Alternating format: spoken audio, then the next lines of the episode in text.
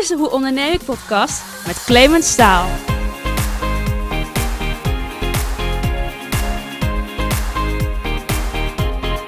Gaaf dat je weer luistert naar de Hoe Onderneem ik podcast.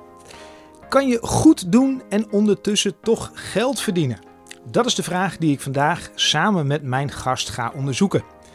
Met een bedrijfskundige achtergrond heeft hij bij diverse bedrijven en organisaties rondgekeken en kwam er zo achter dat de bestaande modellen eigenlijk wat misten wanneer de transitie naar betekeniseconomie ter sprake kwam. Hij is vanuit business case naar purpose case gegaan en heeft ondertussen hierover het boek geschreven Impact. Zet vanuit de purpose case de wereld naar je hart. Matthijs Bobbeldijk is eigenaar van het bedrijf Nieuw Business Lab en helpt bedrijven en organisaties die impact willen maken. Nou, wil je in het bezit komen van zijn boek, wat in deze podcast te sprake komt, dan kan dat. Beluister de podcast en mogelijk win je hem. Wil je weten hoe jij duurzame impact maakt en hoe je ondertussen ook een goede business case kan bouwen? Luister dan mee met het gesprek dat ik had met deze aanjager van de betekeniseconomie, Matthijs Bobeldijk.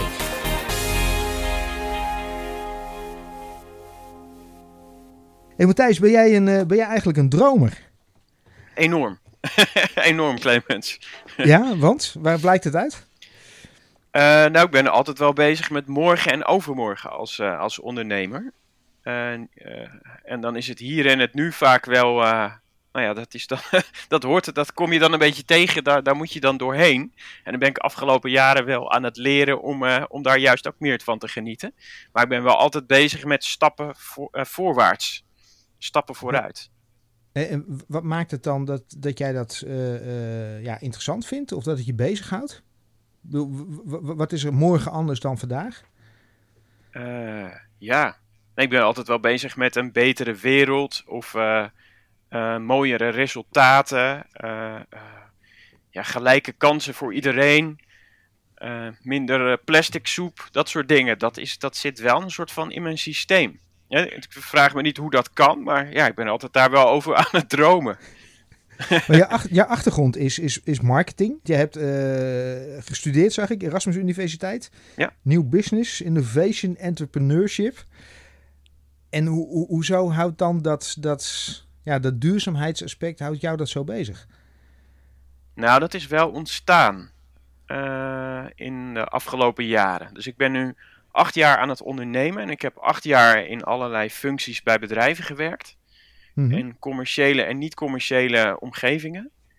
Uh, ik ben acht jaar geleden dus voor mijzelf begonnen als businessmodel consultant.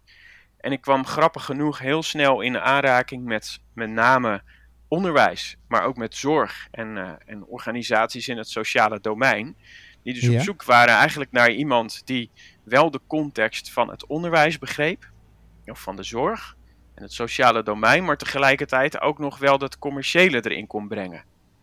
En op een of andere manier zit er kennelijk iets in mij. Uh, en op een gegeven moment is dat ook ervaring geworden. Waardoor ik dus de brug kan slaan tussen, nou ja, uh, wat gebeurt er in een harde commerciële omgeving. Maar hoe vertaal je dat meer naar een softe context? En voor mij was dan de, de drager, het vehikel, was uh, businessmodellen ontwikkelen. Uh, en businessmodellen kun je gebruiken om uh, heel veel geld mee te verdienen. Maar businessmodellen gaat ook vooral over waardecreatie. En waardecreatie hoeft niet altijd alleen maar over geld verdienen te gaan, maar kan ook gaan over goed onderwijs. Hè, of goede zorg leveren.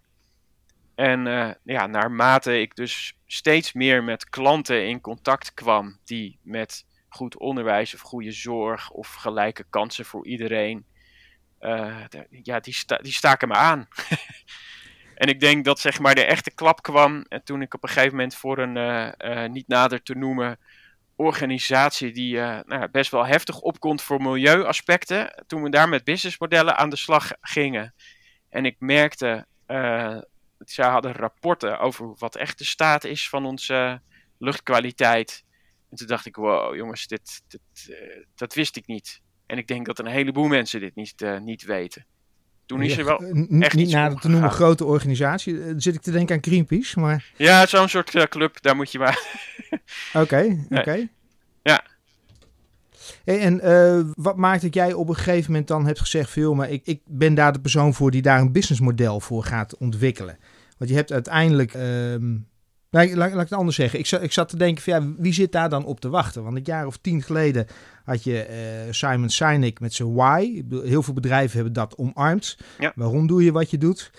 Um, dat, dat voel ik ergens in, in jouw model terugkomen. Je hebt uh, Business Model Canvas.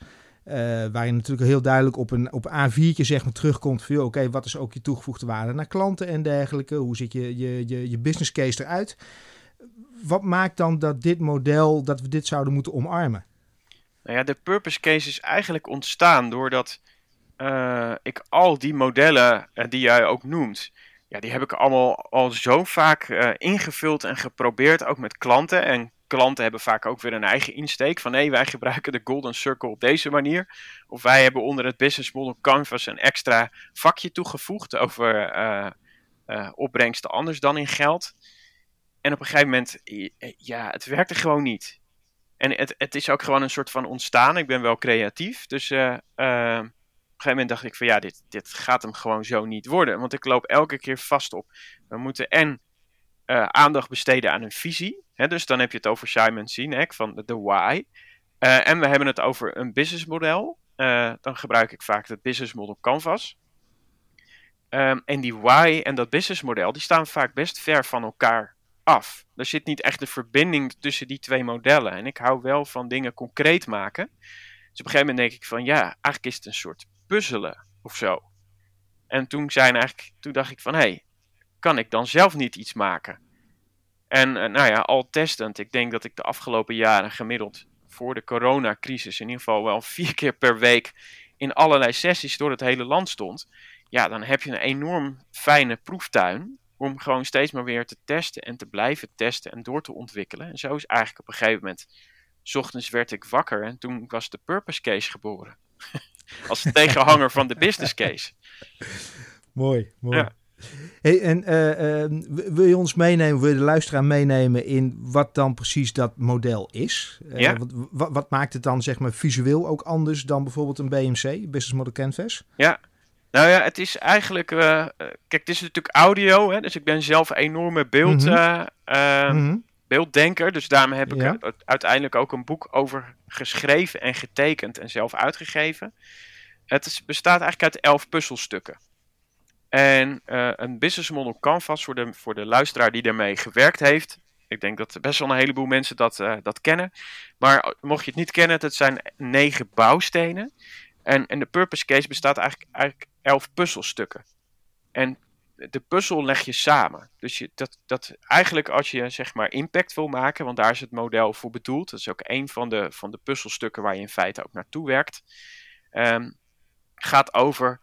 Uh, jij vroeg net, uh, Clemens, van ben jij een dromer? Nou, dat is mm -hmm. eigenlijk ook de, de vraag die ik vaak aan mensen in, in sessies stel, van mijn opdrachtgevers, van, maar wat is dan jouw droom? Ja, en vaak uh, kun je die herkennen of, of, of bij jezelf uitvinden als je jezelf de vraag stelt, het kan toch niet waar zijn dat? Als je die zin zou afmaken, het kan toch niet waar zijn dat bijvoorbeeld te veel plastic in de oceanen is, of niet iedereen gelijke kansen heeft, of mensen die op het MBO-onderwijs worden opgeleid, uh, ja, dat daar anders naar wordt gekeken dan naar een HBO'er of een WO'er. Zo herken ik eigenlijk bij iemand vanuit zijn verwondering van waar iemand zijn ja, mogelijke dromen vandaan komen. En als je die scherp hebt, dan kun je daarna, een van de volgende puzzelstukken is, wat is dan, dan je ambitie? Want je kunt wel uh, eeuwig op je roze wolk blijven zitten, of je groene wolk. Maar uiteindelijk wil je dat wel vertalen naar, naar iets concreets. Ja. En daar komt ook wel weer een businessmodel om de hoek kijken. Uh, dus met Simon Sinek kun je heel mooi in die drie mm -hmm. cirkels wel iets invullen van uh, uh, wat je why is. Maar ik, vind mm -hmm. het, ik vond het echt heel belangrijk, en mijn klanten ook vooral, om dat te vertalen naar iets concreets. Dus als je zegt van de droom die ik heb is uh, uh, uh, zorgen dat er minder milieuverontreiniging is of zo. Ja, wat is dan je concrete ambitie? Wat ga je dan over een half jaar of over twee jaar of over drie maanden, wat ga je dan neerzetten? Wat heb je dan bereikt?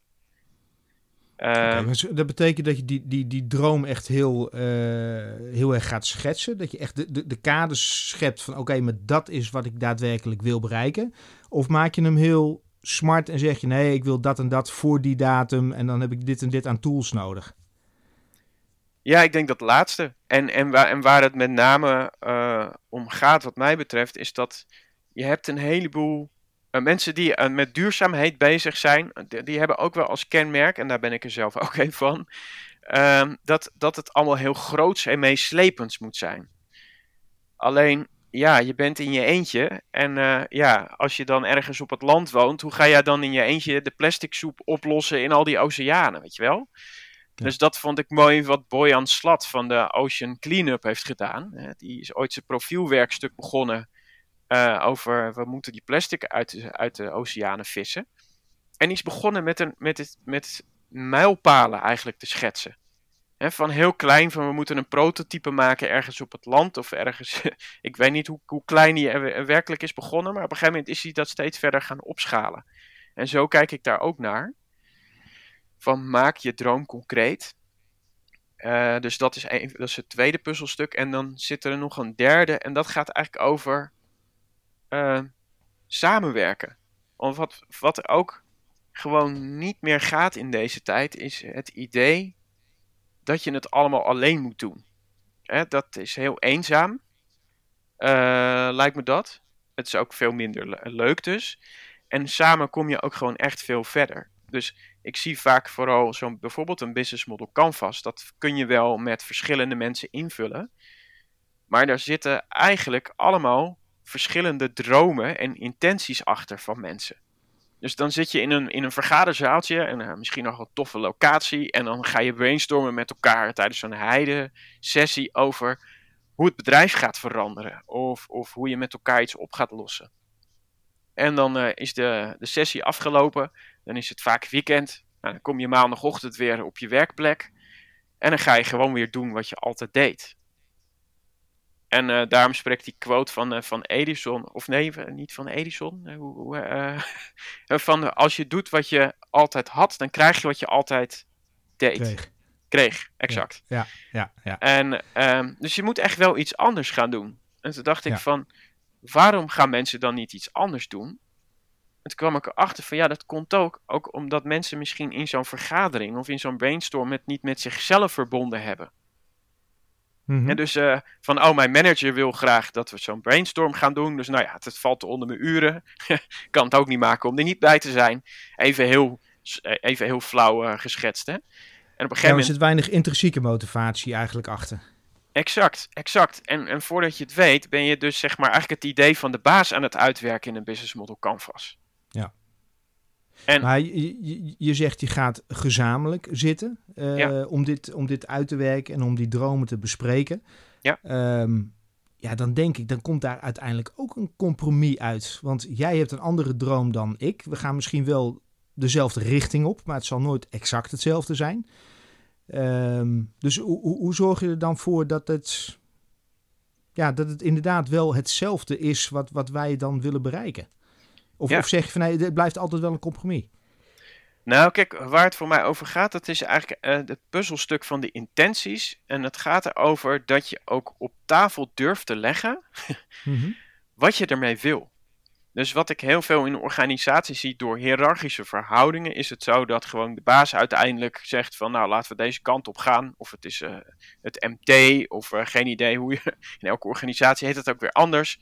Um, maar vanuit de purpose case is eigenlijk mijn uh, startpunt dat je uh, als mensen samen die puzzel legt. Dus dat betekent dat de directeur en degene uh, die zeg maar nou, bij de helpdesk zit, of degene of op de sales, op de marketingafdeling of product development of, of, of ICT, iedereen is mens in zo'n organisatie en het kan ook juist vaak over organisaties heen gaan hoor.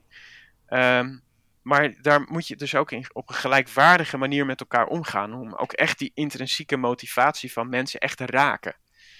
En daar is het okay, puzzelstuk. Maar, dan zit ik me af te vragen, uh, Matthijs. Nou, nou ja. ben ik ondernemer. Nou heb ik een bedrijf. Uh, weet ik voor wat, uh, werken twintig mensen. Ja. En ik denk, oh ja, ik, ik ga hier wat mee doen. Ik vind Ja. dat ik dat moet doen. Ik kom met jou in gesprek. eh, Ja. En we gaan een, een eh, nou ja, toch zo'n soort heidensessie zeg maar, organiseren. En dan gaan we met elkaar aan de purpose case werken. Mijn, mijn doel en ambitie als ondernemer ja, zal toch ongetwijfeld net iets anders zijn dan eh, Clara, die secretaresse is en eh, s ochtends om negen uur inklokt, zeg maar, en s- smiddags om vijf uur weer naar huis gaat. Ehm, want ik ben er eerder, ik blijf langer, het is mijn, mijn bedrijf, ik zit er anders in. Dus hoe, hoe zorg je er dan voor dat dat op één lijn zit? Of doe ik het niet in mijn Ja. eigen organisatie en moet ik het meer met, met andere partijen doen? Of hoe moet ik dat zien?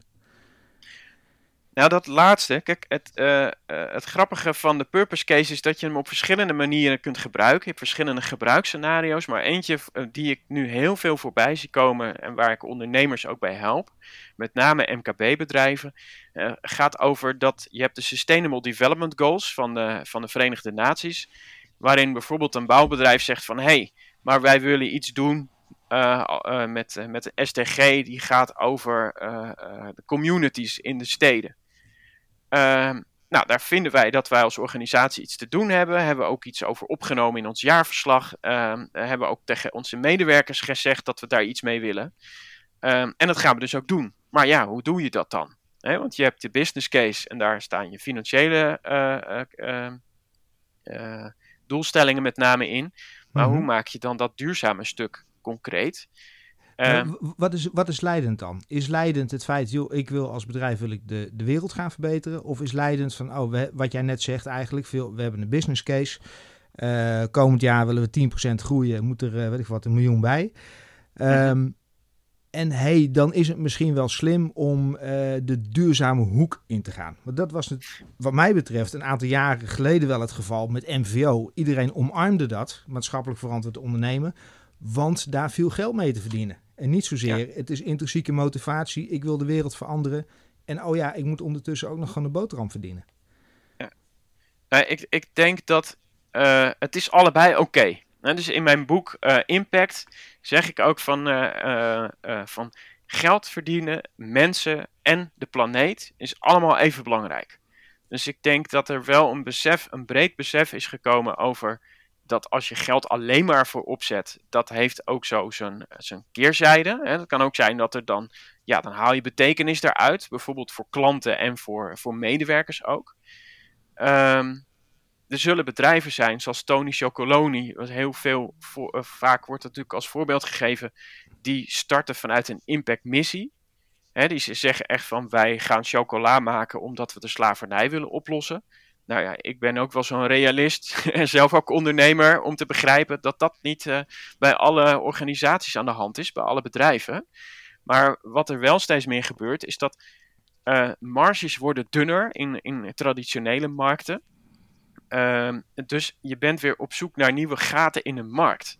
Alleen die gaten in de markt die zijn onge- on- ongeveer wel een beetje allemaal gevuld. Hè, volop concurrentie overal. Dus wat ik vooral ook zie is dat bedrijven nu een soort van stap voorwaarts zetten naar het oplossen van gaten in de maatschappij.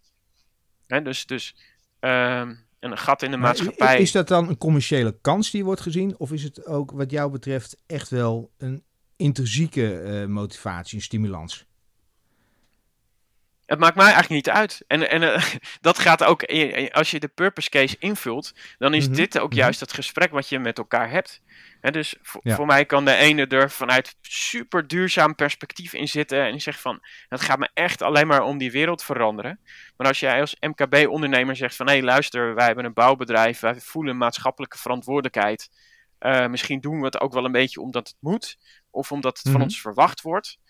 Ehm, maar dat is helemaal oké. En ik denk dat wat ik zie, is het is op het niveau van intenties.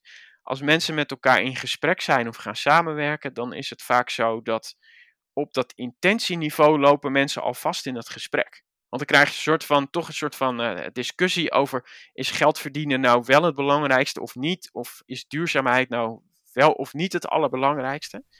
En ik denk dat het vooral van belang is dat je snapt waar je vandaan komt. Dus Mhm. zelfs die directeur eh, met, met de secretaresse die, andere, die andere, met andere intenties naar haar werk komt dan haar baas. is het wel, of haar werkgever, is het wel heel goed om van elkaar te begrijpen. Oh, maar zit jij er zo in? Ja. En dat gesprek, dat slaan we vaak over, omdat we denken, we hebben geen tijd voor, of dat vinden we niet belangrijk, of dan blijft het bij een koffiepraatje aan het koffieapparaat, maar dan raak je niet de essentie die je eigenlijk wel zou willen raken. Hoe, hoe, uh, want ik, ik kan me dan voorstellen dat je zegt van oké, je gaat als, als team met zo'n zo'n high-sessie of op wat voor manier je dat ook gaat organiseren. Je gaat als team ga je uh, duidelijk maken veel welke impact willen we hebben. Wat is onze toegevoegde waarde? Wat is ook het verdienmodel? Mm -hmm. um, maar zeg jij dat je gaat dat ook doen met organisaties, uh, met andere bedrijven waar je een soort partnership mee aangaat? Klopt. Um, ergens kan me voorstellen dat je dat op eenzelfde soort manier gaat organiseren. Maar ook daarin zullen natuurlijk best wel conflicterende belangen mogelijk zijn. Hoe, hoe ga jij daarmee om? Heb je daar ook de nodige ervaring inmiddels in dat dit soort zaken uh, uh, voorkomen? Of dat uh, ondernemingen, organisaties daartegen aanlopen? Hoe ga, hoe ga ik daarmee om als organisatie? Ja, nou kijk, zeker ervaring mee. Kijk, ik, ik zeg ook niet dat het bijvoorbeeld het business model Canvas of dat Simon Sinek, dat je dat niet meer moet gebruiken. Maar de purpose case is een instrument wat je erbij of ernaast kunt gebruiken. Um, waar het volgens mij over gaat, is dat je als je partnerships aangaat, dat je uh, nadenkt over als wij een gat in de maatschappij willen uh, vullen. Uh, dus we willen iets bijvoorbeeld met die duurzame steden dat je dan eerst eens nadenkt vanuit je een maatschappelijke businessmodel. Dat doe je vanuit je purpose case van met wie zouden we dan samen op moeten trekken. Is dat met de gemeente? Is dat met een architect? Is dat met uh, welzijnsorganisaties? Dat, dat, dat, zouden partners kunnen zijn. Maar dat je tegelijkertijd daarnaast heel goed nadenkt over je eigen businessmodel. En dus als we samen gaan puzzelen, wat is dan uh, uh, de toegevoegde waarde die ik lever aan al die verschillende partijen? Dus je bent als het ware eigenlijk uh, uh, nou ja, je eigen markt aan het creëren door een gat in de maatschappij op te lossen. Ja, maar ik kan me voorstellen dat je dat niet met elke organisatie of elk bedrijf doet waar je mee gaat samenwerken, maar dat het met name met diegenen zijn ja, die echt onder je key partners zeg maar, kan, kan scharen. Ja, ja waar, wat ik zie is dat helpt is om zoek, op zoek te gaan naar coalition of the willing. Hè, dus coalition of the willing. Hè, dus, ja? dus mensen die Um, die vanuit intrinsieke motivatie zeggen: ja, maar dit vinden we tof. Uh, dat, en, en, dat is een beetje aanvoelen. Dat zit ook wel meer op de onderstroom hè, van, van ja, mensen aanvoelen. Van uh, zouden we hiermee dat avontuur aan willen gaan? Uh, ja, dat, dat is denk ik het belangrijke om dat, dat gevoelsaspect erin te leggen. Van hey, is die gemeenteambtenaar bijvoorbeeld, staat hij er wel of niet open, uh, voor open? Of is die persoon van de provincie, is die daar wel of niet in geïnteresseerd? En, en verras ik me soms, of eigenlijk bijna dagelijks, over hoe mensen eigenlijk niet hun werkelijke intenties uitspreken. Dus dan blijkt dat er opeens iemand in een knetterharde commerciële organisatie heel erg veel uh, gevoel heeft bij duurzaamheid. Of mm-hmm. dat er een ambtenaar ergens zit waarvan je zegt van nou, dat sociale domein, hè, met uh, mensen met afstand tot de arbeidsmarkt helpen, die zal wel heel erg voor inclusiviteit zijn. En uh, ja, dat, dat hoeft niet altijd per se zo te zijn. Hè. Dus mensen hebben hun, hun eigen zijn, hun eigen intenties en hun werk heel erg van een soort van elkaar losgekoppeld. Dus nee, in dit stukje doe ik mijn baan en dit stukje is mijn mens zijn. Uh, en dat probeer ik eigenlijk met de purpose case een beetje naar boven te halen. Om vanuit dat mens zijn met elkaar te gaan samenwerken. In plaats van alleen maar vanuit functies. Hey, en dan zit ik te denken, uh, uh, de luisteraar op dit moment naar deze podcast, die uh, is zelfstandig ondernemer of heeft een bedrijf, eventueel met personeel. Ja. Hoe gaat hij daarmee om? Hoe gaat hij, want jij werkt heel veel met organisaties. Je zei net al even ook ROC van Amsterdam bijvoorbeeld, uh, werk je veel mee, uh, mee samen op dit moment. Ja.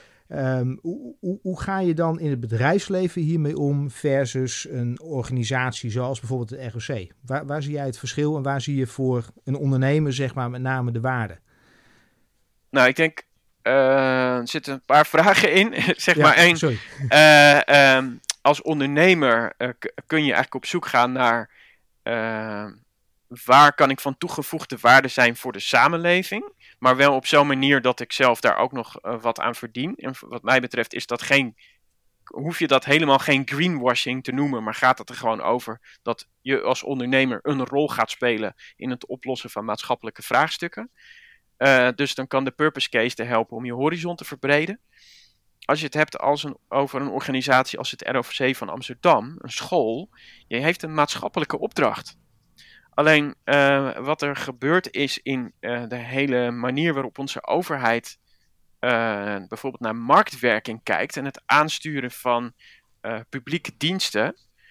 Ja, dan, dan is het zo dat die maatschappelijke opdracht van zo'n ROC, bijvoorbeeld dat iedereen in de regio op MBO-niveau ergens iets van educatie moet kunnen volgen, dat is op een gegeven moment wel erg platgeslagen naar gewoon zorgen dat we klassen vullen met studenten, omdat je daar geld voor krijgt van het ministerie. En ik zeg niet uh, dat de, de, school daar iets aan kan doen, maar wat ik wel waarneem is dat door puur vanuit businessmodellen te redeneren die geldgedreven zijn, krijg je ook systemen die niet altijd voor iedereen werken. Hè? En, en, sterker nog, die maatschappelijke opdracht, kom je daar dan nog aan toe? Uh, dus dus zo'n purpose case helpt dan uh, een organisatie als een school of als een ROC van Amsterdam ook wel weer om na te denken: oké, okay, uh, eh, wacht even, wat is onze impactdroom dan eigenlijk en met wie werken we dan samen? En we gebruiken dat nu heel veel om samenwerkingsverbanden ook uh, verder vorm te geven of om nog eens te, te checken van zitten we met de juiste mensen aan tafel en met ook de juiste intenties. Maar als je dat zo zegt, dan denk ik, van, ja, dan zou kunnen betekenen dat je erachter komt, dit gaat niet werken samen. Zeker. Ook in, een, ook in een organisatie. Want de organisatie, zeg maar, ook al wordt die vormgegeven door mensen, maar de organisatie vindt A en ik persoonlijk vind B. En dan is maar de vraag of ik me wil conformeren aan A. Of dat ik op een gegeven moment denk van nou, maar dit, dit is niet mijn, mijn omgeving. Of dit is niet mijn missie. Ja. Nee, zeker. Maar ik, ik vraag me ook wel af, hè, als je dan soms die cijfers hoort en ik heb ze niet helemaal paraat over hoeveel mensen nou echt lekker in hun baan zitten. Mm dat zijn er een heleboel en daar ben ik zelf ook ooit een van geweest. En dan heb je ergens het gevoel, er klopt iets niet. En dan sta je steeds ochtends met net even iets minder zin op om naar je werk te gaan. En dan denk je van, dan, dan schuurt het weer met een collega of met een leidinggevende. En dan denk je van, eh, nou ja, misschien ligt het aan mij. Ik hou nog wel even vol of zo. En dan um, vind ik het dus interessant, is dat mensen, en voor mij gaat het over betekenis geven ook aan de dingen die je zelf doet. Um, van ja, hoe lang ga je dat dan volhouden? Dus ik, en, en, ja, het is een versneller als, het, als je zo'n purpose case gaat invullen, kan het zo zijn dat mensen zelf of partners onderling tot de conclusie komen het gaat er niet worden, hè, want we zitten met andere eh, verwachtingen uh, zitten we erin. Maar ja, hoe erg is dat eigenlijk? Hè? Uh, wat heb je aan organisaties waar allerlei mensen blijven die er eigenlijk diep in hun hart al lang afscheid van hebben genomen?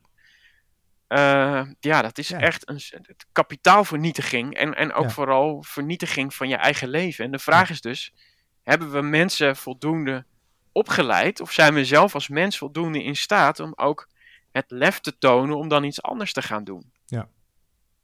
Nou ja, mag ik dan heel hard het antwoord nee zeggen? De, de, de, meeste mensen hebben dat lef niet. Want de hypotheek moet betaald worden, vaste lasten. En joh, ik ben ondertussen uh, 50, 55, noem maar wat. Ja. Uh, en ik krijg geen andere baan. En, en dus blijf ik hier zitten in deze organisatie. En dan ben ik degene die uh, soms op de kar zit. En soms helaas ook, ook aan de achterkant van die kar uh, hangt. Ja. Um, terwijl dat aan de voorkant van die kar, die kar trekkers, zeg maar, de mensen zijn die, ja, die een bepaalde visie hebben, een bepaalde kant op willen. Ja. En dan zit je natuurlijk ook in een kleinere organisatie, zit je daarmee als, als ondernemer, dat je mensen in je bedrijf hebt zitten waar je op een gegeven moment ja, misschien liever afscheid van neemt. Ja, ja. Ja, en, en, en kijk, eh, de purpose case uh, gaat voor mij ook over een businessmodel in de betekenis-economie. En de betekenis-economie is een boek over geschreven door een Amerikaan, uh, Aaron Hurst. En die zegt je hebt drie niveaus of drie lagen van betekenis. Je hebt persoonlijke betekenis en dat gaat eigenlijk over wat vind jij als mens belangrijk um, en wat zijn je talenten. Tweede laag gaat over uh, je sociale betekenis. Werk je met mensen samen waar je blij van wordt? En de derde laag gaat over doe jij iets terug voor onze samenleving? De maatschappelijke betekenis. Als je kijkt naar de organisaties zoals we die nu kennen in onze markteconomie, dan zijn vaak de businessmodellen zo ingericht dat de, dat de baas zegt waar we naartoe gaan. Of als het uh, in een publieke domein zit, is het vaak de rijksoverheid die dat aangeeft. En jij moet je als mens aanpassen aan een functie. En dan zegt ze: Dit is het functieprofiel. Daar moet jij inpassen. Um, vervolgens is het zo dat als je uh, dan met collega's hebt waar je mee moet samenwerken, ja, daar heb je ook niet, uh, hoef je ook niet altijd iets mee uh, te hebben. Mm -hmm. um, en, en er zijn ook veel mensen die wel een vragen stellen over, maar wat doet mijn bedrijf eigenlijk voor onze samenleving? Ja. Um, nou ja, en, en dat, dat zie ik dus nu vooral, dat we in een soort transitie zitten naar een betekeniseconomie, waarbij mensen zichzelf steeds vaker hardop ook de vraag stellen, pas ik eigenlijk nog wel op deze plek? En wat heb ik dan in mijn leven te doen? Ja. Dus een beetje de, de, de, de teken van deze tijd, denk ik. Ja. Jaren, jaren 80, 90 ging het met name om, uh, om geld verdienen, op die manier impact te maken. Uh, show-off aan de buitenkant. Uh, ja. Vooral voor de buren laten zien dat je het goed doet. Terwijl dat vandaag de dag volgens mij dit gesprek in ieder geval steeds meer gevoerd wordt. En ook steeds actueler is. Ja. Betekent dat jij zegt veel, maar uh, duurzaamheid en geld verdienen gaat zeer zeker wel samen. Absoluut. Absoluut. Ja. Waar dien ik rekening mee te houden als, als ondernemer op het moment dat ik zeg van ja, maar ik, ik ga voor duurzaamheid. Mm -hmm. maar ik wil zeker ook financieel impact hebben. Het moet gewoon zichtbaar zijn op mijn bankrekening. Wa waarvan zeg jij dan veel, maar dan moet je hier en hier rekening mee houden? Uh, nou kijk, wat we volgens mij steeds vergeten te doen in onze business case gedreven uh, samenleving, ja. is dat we vergeten dat er allerlei uh, maatschappelijke opbrengsten uh, en, en ook opbrengsten voor het bedrijf zitten in als je investeringen doet. Dus stel je gaat, zeg maar, uh, concreet voorbeeld. Uh, de uh, House of Hospitality is een samenwerkingsverband van allerlei organisaties uit de toeristische sector, maar ook uit de hotelsector, uit de horeca. En die werken samen met het ROC van Amsterdam rondom leren. En die mm -hmm. hebben hybride plekken ingelicht. Dus dat wil eigenlijk concreet zeggen: de jongens en meisjes gaan naar school in het bedrijf. En in het bedrijf worden ze in feite opgeleid. dus dat, dat is een, een, stageplek is iets tijdelijks, maar deze plekken zijn echt uh, nou ja, permanenter. En toen hebben ze ook zo'n purpose case gelegd met een aantal van die organisaties die dus geïnvesteerd hebben in deze samenwerking en deze manier van opleiden. En uh, we kwamen echt tot een gigantische lijst van opbrengsten die, die we eigenlijk normaal niet in geld uitdrukken. Ja, dus bijvoorbeeld. Een aantal benoemen? Nou, een van de dingen was bijvoorbeeld dat klanten vinden, vonden het eigenlijk, gasten vinden het super interessant dat die hotels bijvoorbeeld op deze manier studenten aan het opleiden zijn. Dus die, die, die geven echt aan van wij waarderen dit. Uh, dus uh, zo'n marketing, marketing tool dan eigenlijk? Ja, maar ook als je bijvoorbeeld uh, mensen gaat aannemen, dan moet je mensen inwerken. Hmm. Deze manier van werken zorgt ervoor dat de uh, de inwerkperiode eigenlijk voor een groot deel wegvalt. Want mensen zijn volledig ingewerkt. Uh, nou, dat kostte dus geld en dat, dat geld geef je nu uh, op een andere manier uit. Of mm -hmm. sterker nog, er wordt voor een stuk op bespaard. En zo zijn er dus, als je gaat samenwerken, ook een heleboel besparingen te realiseren. die misschien niet heel erg zichtbaar zijn in eerste instantie in je, in je, financi in je, in je financiën, die maar, maar die wel, wel degelijk uiteindelijk onderaan de streep iets opleveren. Ja. Wat ik me uh, uh, afvroeg, want ik, ik zat op jouw, uh, op jouw website even te kijken en ik kwam daar een blogbericht tegen waarin jij zegt: De wereld is verslaafd. Ja. En, en toen dacht ik, en dat sluit een beetje aan op de eerste vraag die ik stelde: Ben je een dromer? Ik denk ja, de wereld is verslaafd. is, is, is afkicken wel reëel? Want jij schetst daar allerlei zaken waarvan je zegt van eigenlijk, uh, nou misschien kan je het zelf uh, beter vertellen. Um, maar waar wij aan verslaafd zijn als, als mens vandaag de dag. Ja. Um, komen we daar ooit van af? Nee, dat denk ik niet. Daar ben ik heel reëel in. En, en ik, wat is, het, het is meer een soort van prikkelend bericht om mm -hmm. ook uh, uh, is bij jezelf te raden te gaan. In mijn boek uh, zit er ook een hoofdstuk. En dat gaat over wakker worden homo sapiens. ja. En kijk, word je nou, wat, als je nou ochtends wakker wordt, um, wie is dan eigenlijk degene die de regie heeft? Hè, is, het, is, is zijn dat jouw gewoonten, die erin gesleten zijn omdat je dingen nou eenmaal op een bepaalde manier georganiseerd hebt? Of ben jij dat zelf, omdat je ochtends wakker wordt en dat je denkt, ja, maar ik voel het niet meer. Hè? Of, of, of, oh, ik, ik heb iets anders te doen. En dat probeer ik zelf als ondernemer, als zelfstandig ondernemer, ben ik daar wel uh, alert op. Ik denk van, hé, hey, ik ben nu iets aan het doen en uh, ik verdien daar op een goede manier mijn brood mee. Of, uh, maar ik voel het niet meer. Hè? Dat, dat kan op een Mhm, gegeven moment. En je zegt van, hé, hey, het moet anders. En zo is eigenlijk ook die purpose case ontstaan. En ben ik uiteindelijk daar ook een boek over gaan schrijven. En dus ik zie het ook als een soort van. Uh, nou, in scholen wordt wel eens gezegd van doen we wel aan leven lang ontwikkelen. Mm -hmm. uh, er zijn een heleboel mensen die ook naar zelfhelp uh, boeken en filmpjes en podcast en allerlei dingen luisteren om zichzelf te verbeteren. Dus ik denk dat daar veel meer mijn oproep zit van, van ja, wees ervan bewust dat je zoveel mogelijkheden hebt als mens. En uh, ja, je leeft maar relatief kort. Dus haal er gewoon voor jezelf alles uit wat erin zit. En ja, ja laat je niet verslaafd maken door uh, de dingen om je heen. Ja, je zegt zelfhelp. Ik, ik hoor iemand de opmerking maken, shelfhelp. Uh, het, het, blijft met name ergens op de plank staan, dat, uh, dat boek, wat je ooit ja. een keer gaat lezen en wat verandering bij jou teweeg kan gaan brengen. Ja. Uh, dus ik, ik, in dat kader vraag ik me ook inderdaad af, ja goed, al die dingen waar wij aan verslaafd zijn als mens vandaag de dag, en je noemt daar Netflix, maar ook gokken, noem maar wat. ja, gaan we daar echt ooit van afkomen? En eigenlijk zeg je, nee. Nee, ja, kijk, ik, uh, uh, wat er nu in de coronatijd gebeurt is natuurlijk een bijzonder, is, is eigenlijk heel bijzonder. Hè?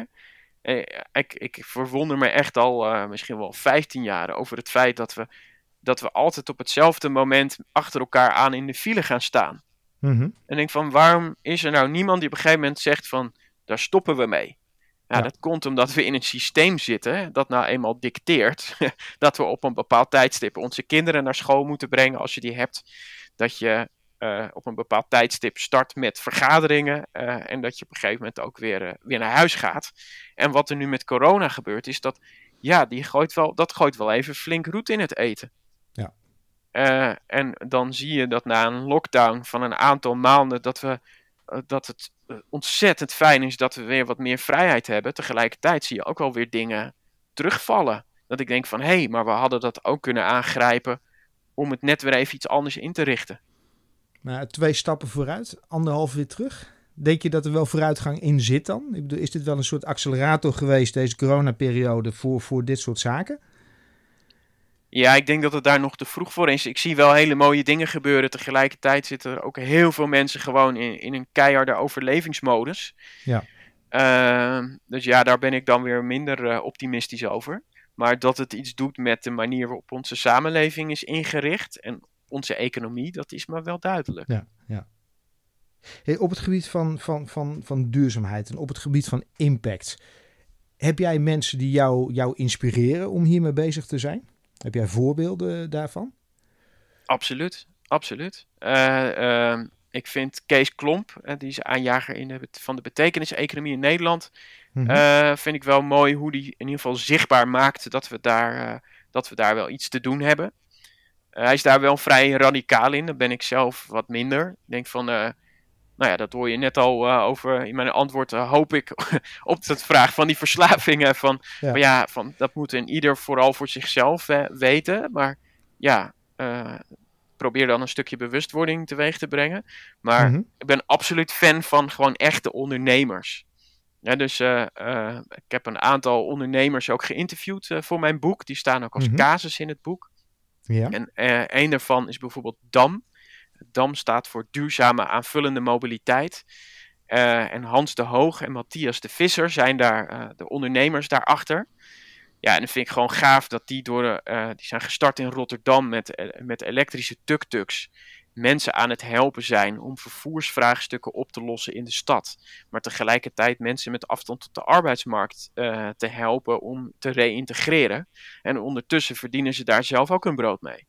Ja, Mhm. dat vind ik gaaf om, om, eh, om te zien hoe dat soort eh, mensen ja, hun dromen ook weten te verwezenlijken. Tof, tof. Ja. Op het moment dat ik nu als, eh, als ondernemer iets met duurzaamheid wil en er eigenlijk nog relatief weinig mee doe, welke, welke tips zou je mij kunnen geven waarvan ik, eh, ja, wa- waardoor ik geïnspireerd raak, waar, waar ik gelijk direct vandaag, morgen mee aan de slag zou kunnen? Ja, nou ik zou zeggen, lees vooral mijn boek. Oké. Eh, en hoe, hoe komen we aan jouw boek? Impact zet vanuit de purpose case de wereld naar je hart. Is, dat is Mhm. de ondertitel. Eh, impact-boek.nl, dat is de, eh, de website, eh, mijn eigen website waar je me op kan bestellen. Dan kun je hem rechtstreeks bij mij bestellen. Maar het is ook bij bol.com en Managementboek verkrijgbaar. Maar ook in, in elle- elke willekeurige boekhandel te bestellen. Tof. K- Kan ik je, kan ik je strikken om, om er eentje weg te geven? Zeker, ja, absoluut. Leuk idee. Laten we daar een winactie van maken. Ja. Aan de, in de aftiteling dan, dan zal ik in ieder geval aangeven hoe de luisteraar hem zou kunnen winnen. Maar eh, tof als we er eentje kunnen weggeven aan, eh, aan een van de luisteraars. Heel leuk, dat gaan we doen. Absoluut. Top, top, top, top. Ehm, dan ben ik vervolgens kwijt wat mijn eh, initiële vraag was. Nee, je vraag was van eh, wat de, de goede. Waar kan ik mee beginnen als ondernemer? Dat was het. Ja, ja, ja, precies. Ja. Waarmee kun je beginnen? Nou, ik, ik denk dat het vooral zit over het gesprek aangaan met je collega's, hè, met je, eh, uit je organisatie, maar ook met je samenwerkingspartners. En Mhm. gewoon eens verkennen van, ehm, is er ergens, eh, wa- wa- wat kan ik dan doen? Hè, voor mij gaat het ook over kleine stapjes. Mhm. Ik heb een keer in een board eh, room gezeten met een intensief gesprek tussen de CFO en de CEO. Die zei van, de, de ene zei eigenlijk van, we moeten onze core business vooral helemaal omgooien en eh, eh, we gaan volledig duurzaam. Dus we gaan eigenlijk van duurzaamheid onze core business maken. Mhm. Waarbij de CFO zei van, nou laten we nou beginnen om het wagenpark eens even aan te pakken. En Ja. om daar wat meer, eh, wat de, de uitstoot te reduceren. Nou, Ja. ik denk dat de ene niet gelijk heeft of de ander ongelijk, maar dat het Mhm. Erover gaat dat je dat gesprek voert en dat je met elkaar ja, stapjes weet te zetten. Ja, dus stip aan de horizon, maar wel die, die tussentijdse stapjes eh, duidelijk benoemen. Ja, en vooral iedereen meenemen daarin. Want ik denk dat ook juist, eh, ik zie veel, eh, in veel organisaties juist een soort van clubjes van jonge collega's zie ik ontstaan. Dus jong en dan komt er een bedrijfsnaam. Mhm. Ehm, die heel erg daarin ook wel voorlopers zijn, ideeën hebben. Dus eh, ja, check is gewoon met eh, misschien wel de jongste medewerkers van je bedrijf. Eh, Zet die eens bij elkaar. Hoe kijken jullie tegen duurzaamheid en hoe zouden wij het hier iets duurzamer kunnen? Dus vooral het gesprek aangaan met elkaar wat dat betreft. Ja, en dan ook zeker dus niet de mensen vergeten ehm, waar je misschien normaal niet zo snel een gesprek mee zou voeren. Eh, eh, zoals? Bedoel je Nou ja, jij zei net eh, van, van de secretaresse. Of, Ja. of, want voor mij, als, voor mij is een organisatie is een groep met mensen. Mhm. En, en iedereen moet op een of andere manier inter- intrinsiek gemotiveerd zijn om 's ochtends weer zijn bed uit te komen en samen met jou als ondernemer dat avontuur weer aan te gaan. Ja. En ik denk dat een thema als duurzaamheid juist heel erg zich leent om dat gesprek van mens tot mens te voeren. Ik zie eh, eh, achter in je boek eh, de opmerking staan, of het hoofdstuk staan, werk aan je eigen change agent skills. Ja.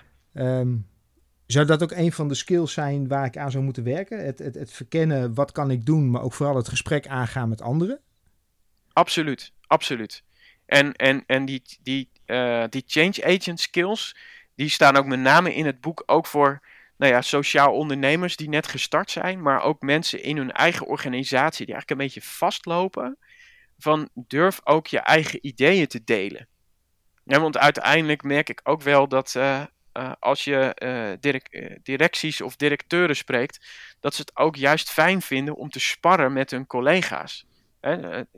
Als CEO kan je soms ook een heel, kan het ook heel eenzaam voelen, hè? omdat je nou ja, misschien niet op dat niveau dat jij zou willen sparren, op strategisch niveau, kunt sparren met anderen.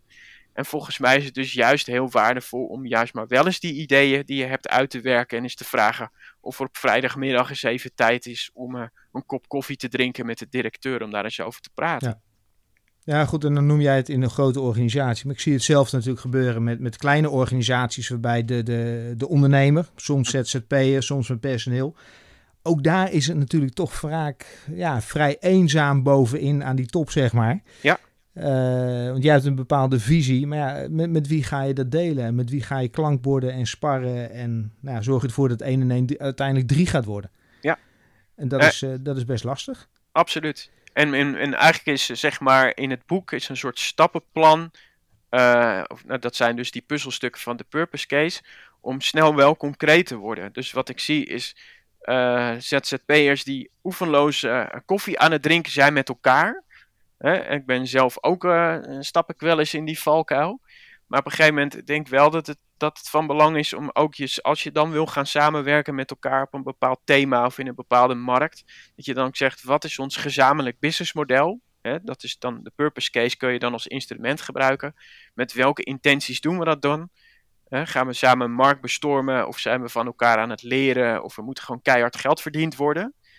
uh, ja, spreek dat aan de voorkant uit, formuleer een ambitie en ja, dan moet je er ook wel voor gaan.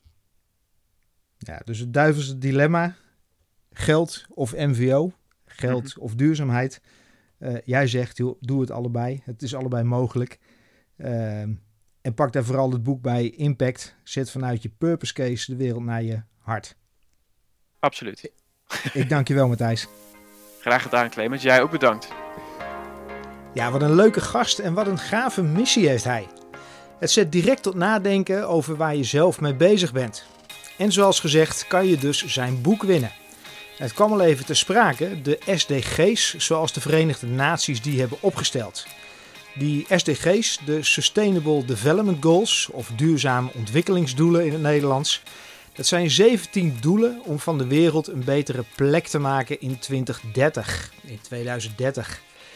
En die SDG's zijn afgesproken door de landen die zijn aangesloten bij de Verenigde Naties, waaronder Nederland. De duurzame ontwikkelingsdoelen starten al in 2015 en die lopen tot 2030. En ze zijn een mondiaal kompas voor de uitdagingen zoals uh, armoede, onderwijs en de klimaatcrisis. En dat zijn eigenlijk de opvolgers van de Millennium-doelen die uh, liepen van 2000 tot 2015. Nou, jeuken jouw handen om aan de slag te gaan en denk je dat het boek van Matthijs je daarbij kan helpen, dan kan je dat dus winnen. Wat je dan even moet doen om dit boek te winnen, is deze podcast delen op jouw sociale media met daarbij de zin: Het kan toch niet zo zijn dat. Puntje, puntje, puntje. En dan geef je zelf invulling aan één van die 17 SDG's. Dus het kan toch niet zo zijn dat. Vervolgens vul je hem zelf in met een van die 17 SDG's. Nou, tag mij en Matthijs erin ook even, zodat we weten dat je mee wilt dingen naar het boek Impacts. Zet vanuit de Purpose Case de wereld naar je hart. En heb jij gewonnen, dan zoek ik uiteraard even contact met je. Nou, ik hoop dat je deze podcast weer als waardevol hebt ervaren.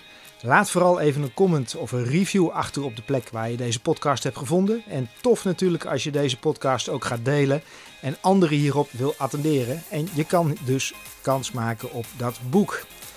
Wil jij er geen eentje missen? Klik dan even op abonneren of op volgen. En wil je in contact komen, dan kan dat via de bekende kanalen zoals LinkedIn of via info.hoeondernemik.nl. Tot de volgende keer.